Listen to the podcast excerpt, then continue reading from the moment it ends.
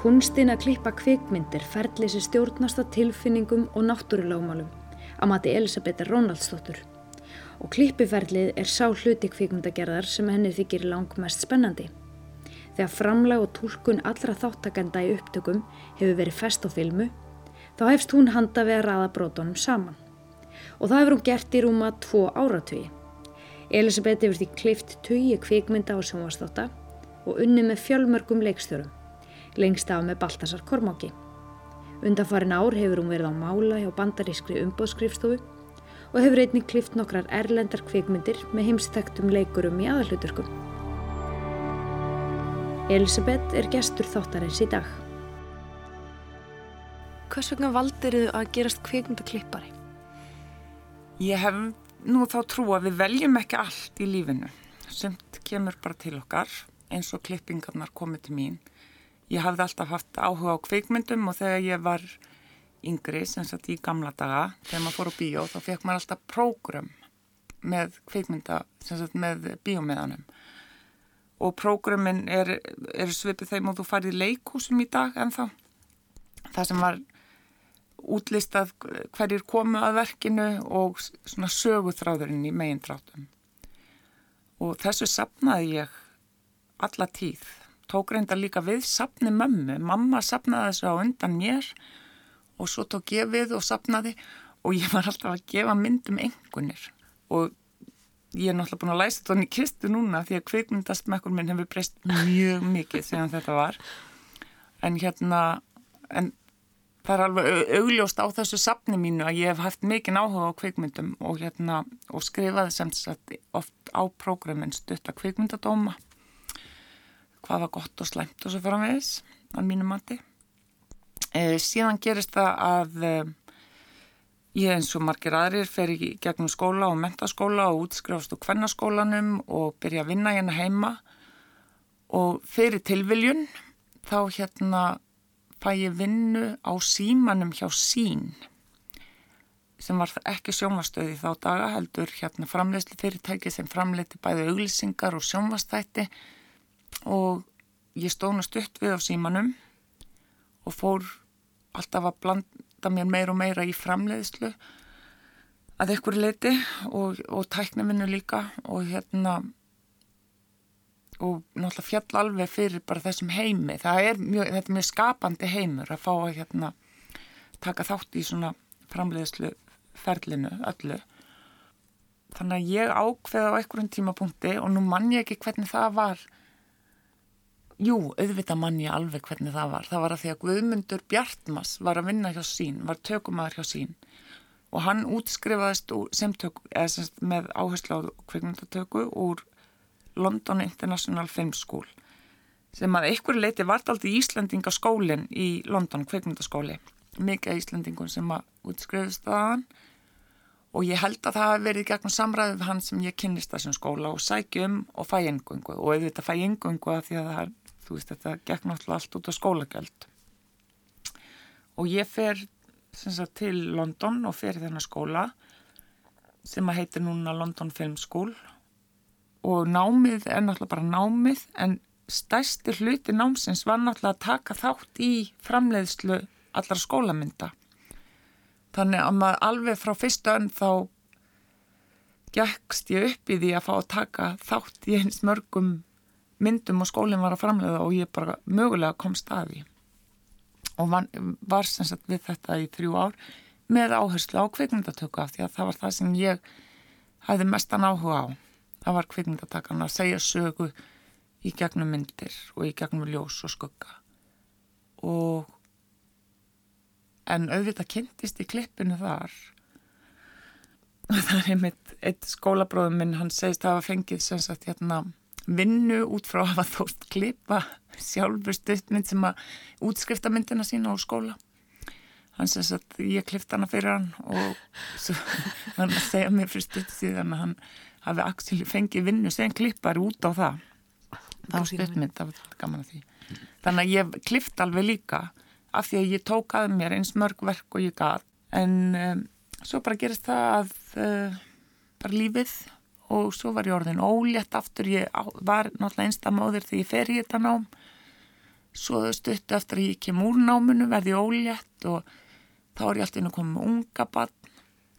Þannig að það það er, kvikmyndagerð er ekki auðveld uh, vinna ef þú ert með unga barn til dæmis. Það þú veist, þetta er náttúrulega svona risa stór hópverkefni og þú getur ekkert látið því hverfa úr hópnum þannig að það að vera með unga börn getur, já, sett strykkirekningin þannig að ég er svona pínlitið meira og meira að laga að stað klippeherbygginu líka bara því að þar fekk ég ráðið tíma mínu betur.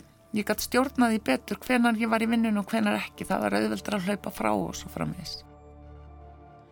Máni Rapsson er elsta barn Elisabetar og saman hafa þau hjálpa stað við að láta drauma hvors annars rætast. Elisabeth hefur dröslað honu með sér um heiminn í hinn ímsu æventýri og við skulum heyra hvernig Máni lýsir Elisabetu.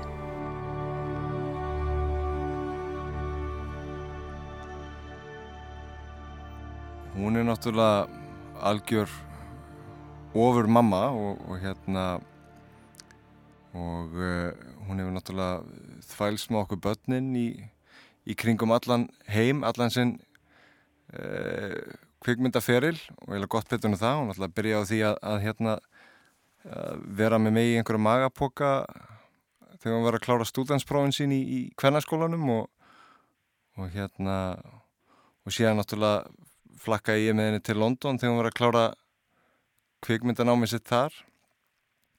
Þannig að e, já, svona við krakkarnar höfum alltaf alltaf fengið að, að, að hérna þvælast mikið, mikið með henni og, og höfum alltaf grætt alveg, alveg helling á því.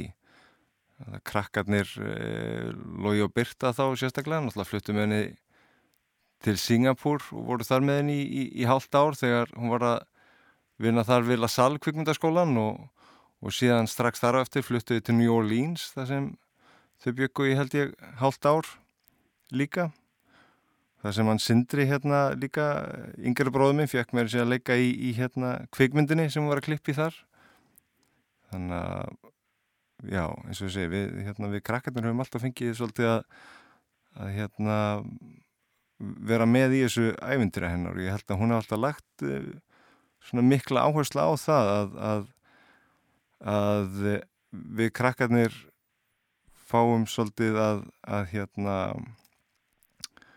sagt, njóta góðs af þeirri velgengni sem, sem hún hefur unni sér unni sér fyrir. En, en svona hvernig kvikmyndakona hún hún er að þá þá held ég svona, hún hefur náttúrulega marga kosti en, en hún hefur hún hefur alltaf mjög sterkar skoðanir á öllu. Og það reyndar ekki bara við í, í kveikmyndunum heldur bara svona í, í, í hérna í öllu því sem hann tekur sér fyrir, fyrir hendi. Eh, og, og ég held að, að sko hún náttúrulega er er að klippa og það er náttúrulega mjög margir sem, sem kunna á klippi fór þess að dagana en, en hennar hæfileikar liggja helst í því að, að hún kann að, að búa til sögu og skapa sögu sem sem náttúrulega make a sense og, og, og næra hrífa hrífa áhendan og ég held að það sé svona kannski hennar sterkasti sterkasti kostur. Og fyrir mér og, og hérna ég held ég tala um fyrir að tískin en að, að þá er hún auðvitað hæfileika ríkasta kvikmynd að gerða kona og maður í, í heimi. Þannig að við hérna hún er alltaf mikil, mikil fyrirmynd fyrir okkur. Mikil svona prinsip uh, manneskja sem, sem stendur alltaf á sínu og er svona tilbúin að, að rýfast og, og, og berjast til þess að ná sínu fram. Þannig að já, það er kannski það sem ég held að hennar helstu hæfileikar líkja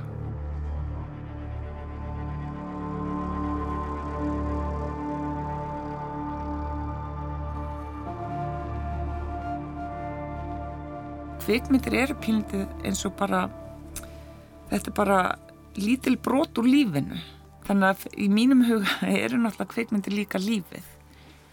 Uh, ég gengst alltaf upp í því hvort sem að það, það virka fyrir mig að gangast upp í því að vera heiðarleg í minni vinnu. Og ég hérna og þegar maður situr og ræði við leikstjóra um verk leikstjóri hefur náttúrulega eitthvað að sína á það verk sem hann er að vinna. Og fyrir mér verða þetta alltaf þálta heimsbyggilegur umræður af því að fyrir mig er svo mikilvægt að skilja í rauninni heimsbyggina á bakvið verkið til þess að geta unni vinnina mína og það í rauninni einu stundirnar þar sem ég get orðið frústreruð og þreytt í vinnunni er ef að þessas heimsbyggilu samræður í rauninni skortir mm. Vegna sem ég finnst þar í rauninni veru undirstaði hvers verk það er að reyna að skilja og fá insýn inn í sín leikstjórans á því hvað hann vill með þessar personur, hvað hann vill með þessar sögu, hvað er hann að reyna að segja, af hverju er hann að reyna að segja það. Af því að þannig reynir maður að vinna úr og finna í efnin, bæði gegnum leik, uh, leikara, í gegnum lýsingu til dæmis, þú veist, þú getur fundið eitthvað skot sem hugsanlega var ekki ætlað í myndina vegna þess að það er eitthvað hugsanlega eitthvað byrta í því eða einhver gluggartjöld sem liggja svo fallega sem geta náð þessari tilfinningu sem leikstjóri er hugsanlega að leita að skilur hvað mm -hmm. ég held það en Enna, á einhvern hátt þá er klippilutverkið líka já ég vonu að mókist ekki en það, það lítur að vera einhvers konar aðstóðar maður leikstjórans við að ná fram hans sín ég er náttúrulega brjálið þetta er ógstlega mókist en það er kannski einlega til þess að útskýra hlutverk klippara en hvernig hefur, hvernig blasir það við þér að svona reyna að aðstöða leikstjóran við þetta? Er það frústrarandi? Nei, nei, það er essensin, mm. þú veist að, að þú ert þarna með verkstjóra sem að þú veist sem ánáttúrulega vita hvað hann vill og hvert hann vill fara. Þannig að leikstjóri er með eitthvað sín á söguna og leikstjórin er með hugmyndir um karakterina sína og þetta miðlaran, þessu miðlaran til allra þeirra sem koma að myndinni og allir er að reyna að tólka í gegnum sín verk þessa sín leikstjóra. Það þýðir ekki að það þurfi alltaf að ganga upp en það þýðir heldur ekki að þá þurfa að yfirgefa það. Heldur er það hluti að klippivinninni er hugsanlega að horfa á ok, við erum hérna með senu sem ég sem leikstjóri, segi leikstjórin, hefði gæt mann viljað að þetta er essensin að sinni, ég hefði viljað að við fengjum þessa tilfinning út úr henni, það er ekki að ganga upp. Þá getur maður setið í tímavís og farið í gegnum þessa senur í gegnum alls konar tökur í gegnum aðra senur og séð ok, er önnu leið í gegnum myndina að koma þess að framfæri það er hluta klippinu og ég segi alltaf framleiðislega kveikmyndar hættir ekki þegar það byrja að klippa það er rétt að byrja þetta er svona organismi það sem allir skila ykkur inn í myndina. Það sem heitlar mig mest við klippiferðlir er að þar fær maður þetta efni með öllum þessum inputum. Mm. Þú veist, það er bara allt það sem allir eru búin að leggja í verkið endar inn á klippiborði hjá þér. Og það finnst mér svo mikið dásamt að fá að fara í gegnum það og vinna það besta frá öllum auðvitað, ég er ekki að segja að þetta er heldur ekki lokastöð klippið að því að síðan leggst ofan á bæði tónlist og hljóðvinnsla heil hljóð heimur sem á eftir að leggja stofan á að hafa áhrif en ég hef líka sérstaklega úti, þetta er ferlið hérna heima og ferlið erlendis allavega það sem ég hef fengið að vinna í, í hérna Hollywood er öðruvis að því leiti að sem klippari er ég fullkomlega involverið inn í til dæmis alla hljóðmyndslu og ferðla og tónlist og svo framvegis vegna þess að það hefur áhrif á klipp. klipp þú klippir lík, mynd líka út frá hugmyndum um hljóðheim eða hugmyndum um tónlist og svo framvegis.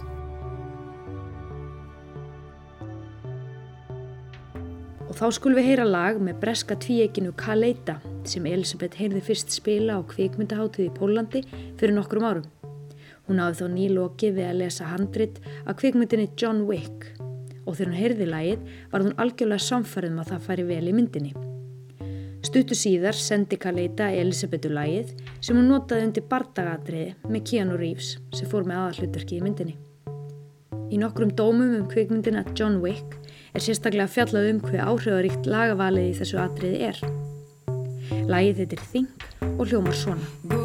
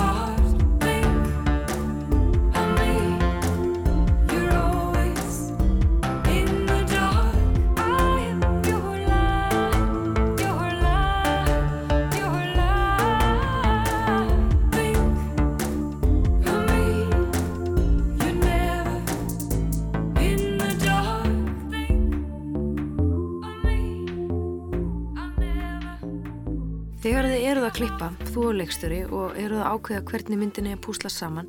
Fáið þið inn fólk til þess að skoða og, og líti gegnum þetta eða sem ég get ímynda mér að maður verið mjög samdöina því efni sem að, maður horfir ofta á? Að sjálfsögðu, mm. en mér finnst mjög mikilvægt að maður sé samt búin að vinna sig í gegnum efnið og, og lendur eitthvað staðar með verkið áður maður hleypir öðrum að.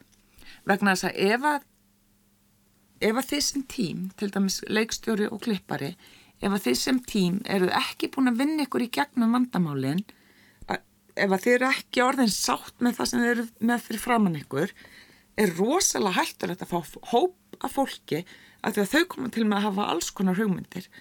Og ef að þú ert ekki sem þess að sestur inn í og búin að gera þér einhverja grein fyrir því hvar vandamálinn liggja eða liggja ekki, að þá hérna getur haugur af, af leiðpinningum gert ílt verra vegna þess að þá hefur engan grunn til að standa á. Þú er unni með mjög mörgum íslenskum leikstjórum. Er einhverju þeirra sem hefur svona um, haft meiri áhrif á þig en að, aðrir? Já, ég ætla að halda þið fram að þeir hafi allir haft áhrif. Hvort þeir hafi haft áhrif á mig sem klippara veit ég ekki alveg aftur nema ég ætla samt að segja ég held að ef það væri ekki fyrir Baltasar Kormák er ég ekki vissum að ég væri klippari.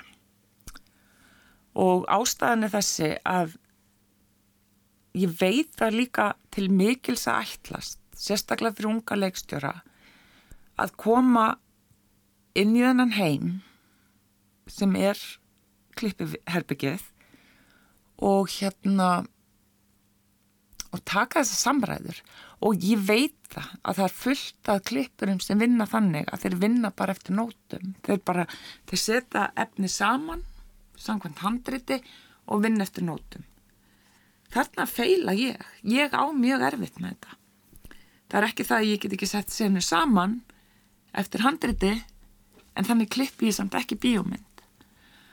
Og þegar ég fer að vinna með Baltasar Kormák við áttum okkur fortíð eh, sem sagt í vinnunni fyrir mýrina en hún var hvorki björnni skemmtileg en ég svo fortíð en hér með rífum strósalega en það gerðist eitthvað í mýrinni. Að þá hérna þá bara allt innu lendu við á okkur um stað þar sem okkur tókst að vinna alveg dásamlega vinna á mýrinni sem að hérna og þessi tilfinning að hafa gefið verkinu það sem átti skilið. Af því að sko, sko það bara hún var bæði erfið að vinna bæði tilfinningarlega það var svo margt að ræða það er hann að bastöð og svona.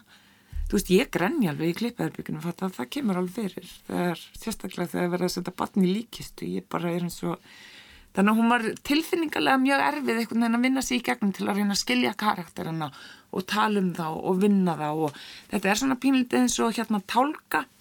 Þú byrja bara að skafa og svo smá saman eftir að vinna þig dýbra og dýbra og dýbra og þessu náðu við rosalega vel í mýrinni og ég held að ef ég hefði ekki fengið að blómstra á þann hátt sem ég gerði í mýrinni þá er ég ekki vissum að ég hefði valiða áfram að vinna við klippingar.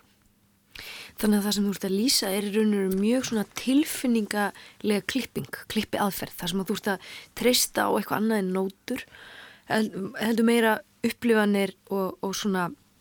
Já, fyrir mér er engin annu leið, þú veist, ég vissum að það er eitthvað fólk sem er ósámal um mér, en ég skil ekki hvernig á að vinna þetta öðruvísi. Mm.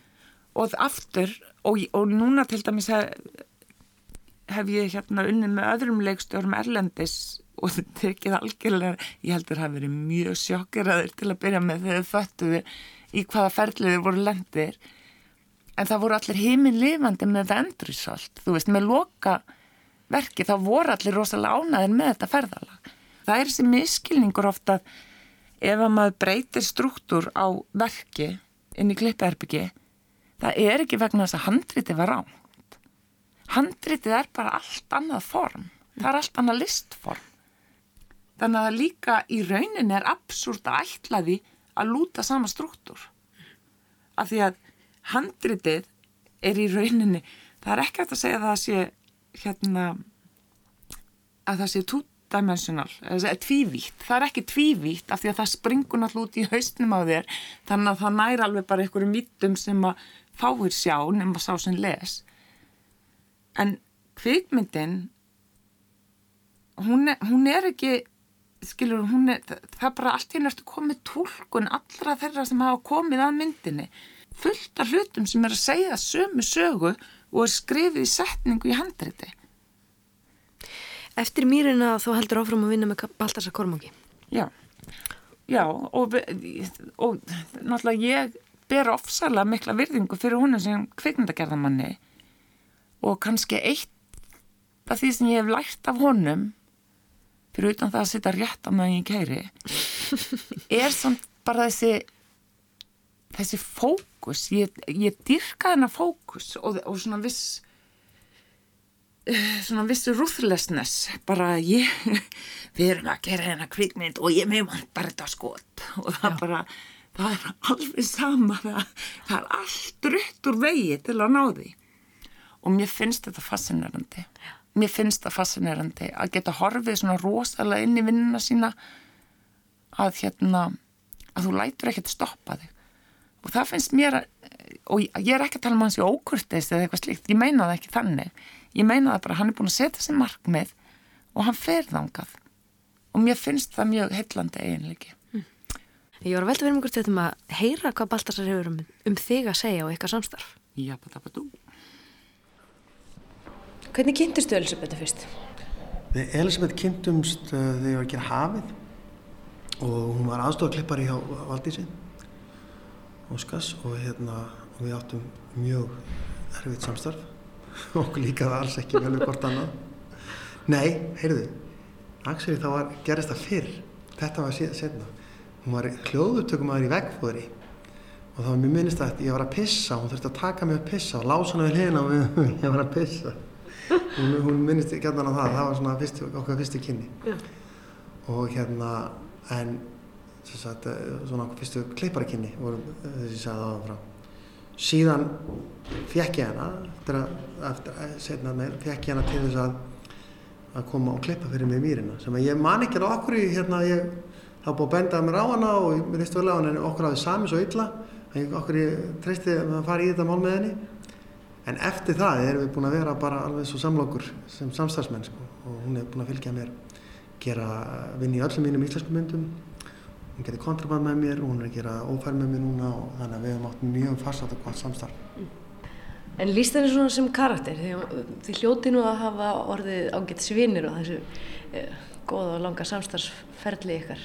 Já, við, við erum fína vinni á, betta og við ræðum ímslegt í klipparbyggjum en okkar vinátt er öll inn í klipparbyggjum. Við höfum ekki blandað þessu orðið svona þú veist verða að fara mikið út að borða saman, gerum kannski einstakar sinni þurfum með einhvern útlöndum einskilum, fáum okkur kannski eitthvað svo spjalla. En það er tengt vinnu. Og það er mjög gott sko, að halda því þannig. Því að það, það er auðvitað að fyrir að verða ofpersonlegt þá, þá, þá getur það haft, haft áhrif á vinnuna og svona ákvarðanir og þú veist, og orðið persónlegt ákvarðið er nótið einingi þessu verkefni, hinu verkefni og allt það. En við höfum alltaf haldið, haldið en, en mjög góðu minnskap þar innan og hún var alltaf fyrir norðan að klippa mýrina og kontraband skilur, og bjóð það, þar leðandi sko, bara hjá okkur nánast en, en reyndar í öðru húsi en á, á, á búgarðinni hjá okkur eða bondabænum eða hvort það kallar í skagafyrðinu í skagafyrðinu, já þannig að, þannig að við höfum kynst mjög vel og, og Betta er náttúrulega uh, svona, hún er svona já, hún er fjárabata móði sem er að reyna að vera pöngari hún er alltaf að tekja að vera pöngari rosalega aggressív á skoðan en svo er hún svo, svo kannski eða ekki alltaf það er ekki alltaf alveg sko, inn í staði fyrir hún er, svona, hún er miklu mikri og, og ljúbari sko, heldur hún og hún kemur oft fyrir yfir sko. hún er alltaf hún tekur svolítið svona punk vinkilin á hlutina en svo maður ræðir að segja hana þá, þá er þetta nú heilt þá þarf að sko gráð manneskja Og hvernig hefur hún áhrif á þínar kveikmyndir? Ég held að hún gefur mér heilmikið og hún, hún bæði er mjög sko hún er mjög aggressív ofta takk út sem stígalók og svona sem getur mjög hjálplegt og, og hún er líka sko hún er náttúrulega ég leti henni að lesa handritinn og það er álit frá henni og hún er bara svona hvernlegt uh, innsægi að maður segja að hún er, hún er svona það er svo gott að hafa konu við liðin á sig skilju. það er svo gott að hafa þann vingil á málið. Ok, allir minn, þetta er nú kannski aðeins við þá vingil, skilur, eða og svona hún minnir mann á það. Á þess að sko, hún er ekkert samt tepurlega eða þú veist, þú veist, gafkvært kvemmfólki eða, eða, eða kynlífi eitthvað stík, það er bara svona þetta verður eitthvað svona of hérna kallægt, skilur mig. Þá, þá, þá hérna svona kemur, kemur hennar vingill en svo líka svona sætt, hún verður alltaf svolítið ástfengin aðleikunum þegar hún er klippa það sko. En, og það held að sé bara í klippaðurbygginu það er ekki að fara út fyrir það sko. En, en þannig henni, henni hún, sko, hún er mjög hrifin af svona kallmennsku líka skilur þannig að það, það er ekki veist, hún er að klippa myndir og John Wick og svona sem eru bara að kall, uh, algjörlega kallægar sögur.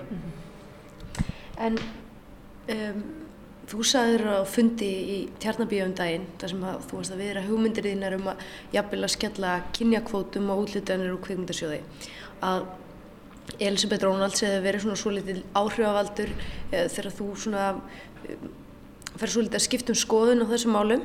E, Lýstu þessu aðeins betur? Já, svona, þú veist, ég svona hafði oft gaman að pikki í hana, skilur mig, svona, og það er kannski bara ég að testa, þú veist, fá, fá viðbröð þegar aðeins að pera hana og, og hún svona var, var alltaf, við vorum alltaf í þessu svona smá ping-pong með þetta sem var mjög gaman og, og, og gefur manni fullt af svona öðru vinklum og einsa í hlutina.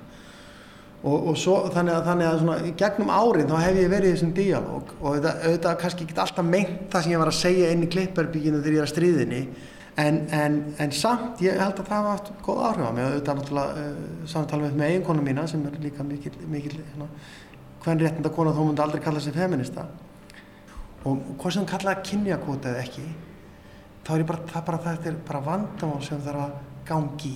Og Elisabeth hefur haldið þessu sjónum þessu haldið á lofti eitthvað samtölum eða hvað? Já, mjög mikið og, og, og alltaf verið mikil barðu kona fyrir þessu og það hefur bara í, á þessum tíma haft uh, þessi áhrif á mig. Elisabeth þú hefur haft greinlega líka mikil áhrif á Baltasar Kormák og hvernig hann hugsar.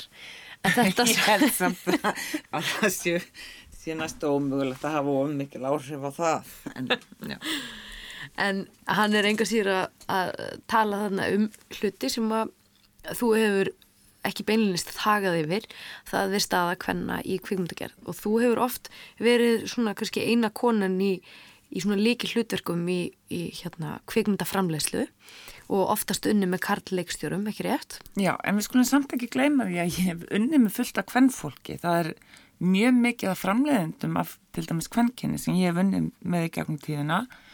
E, pluss að við náttúrulega erum með bæði í gerfi og í búningum, í sviðsmynd, fullt af konum. Hins vegar eigum við, eitthvað gleymið við stundum þessum stöðum og hversu mikilvægar þar eru í kvikmyndagerðinni og ég ætla bara að halda því fram að það sé líka pínundið tala niður af því að þetta eru eirnamert kvennastörf eða sérstaklega, já, innan gæðsalappa. En þú ert hluti af vift og, og hérna sem eru samtök hvenna í kvikmundum og sjónvarpi og hefur talað fyrir því að, að til dæmis kynjakvóti á útlýttanir og kvikmundasjóði væru aðtyklisverð nálgun í því ástandi sem að er. Já, ég, mér er umhugað um rétt hvenna til þess að fá að taka þátt í að segja sögum og ráða hvernig sögur eru sagðar og, og fá, að þær fái leifi til að koma sinni sín á framfæri að konu sé ekki alltaf að þjóna sín karla heldur sé það líka með sína eigin sín sem við hinn getum þá þjónað á sama hátt. Og við skulum ekki gleyma því, við erum alltaf að búa til fólk. Við erum að búa til leikstjóra. Þeir verða ekki til úr engu. Leikstjórar til dæmis verða bara ekkert til af því að þeir eru rosalega góði leikstjórar. Það eru líka til leikstjórar sem eru bara, eru bara ok leikstjórar. En þeir eru alveg hampað af öllum í kringum þá skilur við búum líka til fólk það er líka búinir til klipparar það má í rauninni segja að bara með því að tala um mig hefur balti píndi búið mig til skilur af því að þannig búið við til sínilega afturgæðsalapir, sínilega snillinga það er, ekki, það er ekki bara þeir með verkin það er hvernig er talað um það og hvernig verkunum er lift aftur ég er ekki að segja að verkin þurfi ekki að vera góð en þau geta líka alveg ekki verið það. Spurningin er bara, góð verk geta líka aldrei komið fyrir sín almennings af því að þeim er ekki lift, af því að þau, þau fá ekki þessu umræði, þau fá ekki þennan stuðning, þau, þau fá ekki þetta pús sem þarf til að verða, sínu, að verða að sínulegu verki. Erst þú komið nóga þessum kveikmyndum sem fjalla um kallmenn í krísu? Ég hef alltaf gaman af kallmennum í krísu, það er bara þannig. Nei, ég ætla ekki að fara að gera lítið úr því að, að kallmenn í krísu getur geta bara verið mjög áhugavert umfjöllunarefni. Það er engi spurning. Uh, hins vegar kemur það mér óvart vegna þess að kallar er náttúrulega flestur umkringtir konum hvað það virðist vera erfið og ekki bara fyrir þá af því að tök, við getum líka alveg séð að það er fullt að handritum eftir konur sem fjallar um kallmenn og meir segja stundum í krísu. Þannig að eitthvað það, það, það er einhver hugmynd um það að kallmenn í krísu séu einhvern veginn, já, áhugaverðara umfjöllunarefni heldur en annað. En, en aftur, þú veist, og það getur alveg verið áhugavert, það er bara við, við þurfum, það er alveg pláss fyrir fleiri sögur, það er pláss fyrir konur líka. Og hérna og núna til dæmis var ég á, á vegum Riff, það er hérna stelpur filma sem var svona námskeið fyrir hérna unga stelpur. Og ég sata á þessu námskeið og hugsaði þetta eru dásamlega stelpur. Og og það er alltaf sniðut að sjá að kallarnir verða allir rosa hrifnir af þessu kallarnir í bransanum og það var að koma svona Facebook komment eins og já þetta er rétt að leiðin og svona á að gera þetta. Og, og maður sittur alveg bara rólegir gæðingar það hefur ekki verið neitt skortur á rosalega flottum ungum stelpum með góða myndun í kvikmyndagerð. Það hefur bara ekkert skort á þetta. Við þurfum bara pening. Og við þurfum þetta lift sem ég er að tala um að við erum aldrei gætna og ítundi rassin á hvaða dreng sem kemur fram með þóttast í stuttmynd. Við erum alveg til að ræða það eins og eitthvað mestarverk Nei, þetta er til að lifta honum upp. Og ég er ekki að segja það sér ránt mér finnst að fólk eigi að fá þetta lift að það eigi að fá að, að þú veist, fá hana stöðning alltaf upp á við. En við bara erum ekki að duglega að gera það fyrir konur. En Elisabeth, þú ert búin að klippa tíu kvikmynda og búin að gera þetta í mörg mörg ár hefur þið aldrei langað til að leikstýra sjálf? Sko, ég ætla ekki að halda það í fram mér haf ekki stundir langað til að ráða þú veist að, og, en það er svo auðvelt, það er mjög auðvelt að sitja í klippeherbygginu og vita nákvæmlega hvernig ég hefði gert þetta mm -hmm. það er ekki það sama að gera það jú, ég hef áhuga á því að leikstýra og ég er nokkuð vissum að ég er eftir að gera það í framtíðinni og það verður gaman og það verður gott en ég er til dæmis, ég er ekki með ég er ekki gift umönnunar aðila þú veist, ég er með börn sem þurfa konstant umönnun. Ef að ég er að fara að leikstýra hvort sem það væri stuttmynd eða kvikmynd í fullri lengt eða hvað það væri þá er þetta samt eitthvað sem að verður að geta gefið sér 150 ef ekki 200% í. Og þannig að ég bara býð eftir að börnum mín svona fullorðnist lap, lappinnar og þurfi enga umunun mm. og já, nei, en auðvitað, jújú, jú, ég stefnið ángað ég er bara ung og upprennandi hvers að það að 50 kettlingar get ekki verið það? Er það ekki bara góður aldur er bara góður aldur til að vera upprennandi vonarstjarnar má ég vera vonarstjarnar en á sama tíma og þú ert komið alla þessa reynslu til þess kannski að bara fara að leikstýra einhverju dúndurmynd að þá eru svona dyrknar að opnast eh, í Hollywood og kannski komið til með samstarfið ykkar Baltasars. Þú kliftir kvikmyndina John Wick þar sem að þú veist alveg rosalega góða umsögn og hérna og góða góð viðbröð við, við þenni klippivinu er það eitthvað sem þú getur sett okkur nána frá svona þín næstu verkefnum í alþjóðlegu samengi? Já, ég náttúrulega fór og klippti John Wick af því að Baltasar vildi ekki hafa mig á túkans þannig að ég fjekk ekki túkans og þá hugsaði ég býtur um við. Og þá bara gafst mér þetta John Wick sem var náttúrulega alltaf óskrifa blað en hljómaði samt rosalega spennandi og það gekk mjög vel. Og þetta er hasarmynd með Keanu Reeves meðal annars? Já, það var ef það er eitthvað betra en kall í krísu þá er það kall skýtur allir í hausin ef ég á að velja. Nei, nei, þetta var mjög gaman. Og hérna núna er það þannig að þeir eru að fara að gera John Wick 2 og þessu skrítið aftur þetta með lífið. Af einhverjum ástæðin, þá get ég ekki gert John Wick 2 af því að ég var búin að skrifa upp aðra mynd og er að fara að gera mynd sem heitir The Coldest City sem er svona hérna svona double agent drama sem að gerist rétt áður en Berlínamúrin fellur í Berlín og er þar alveg þetta skotin í Budapest.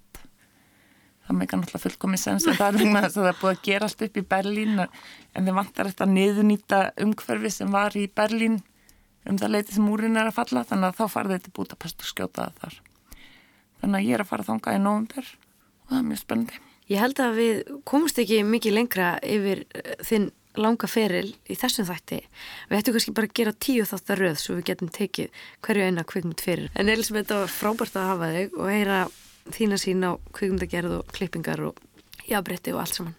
Takk fyrir komuna. Takk fyrir mig.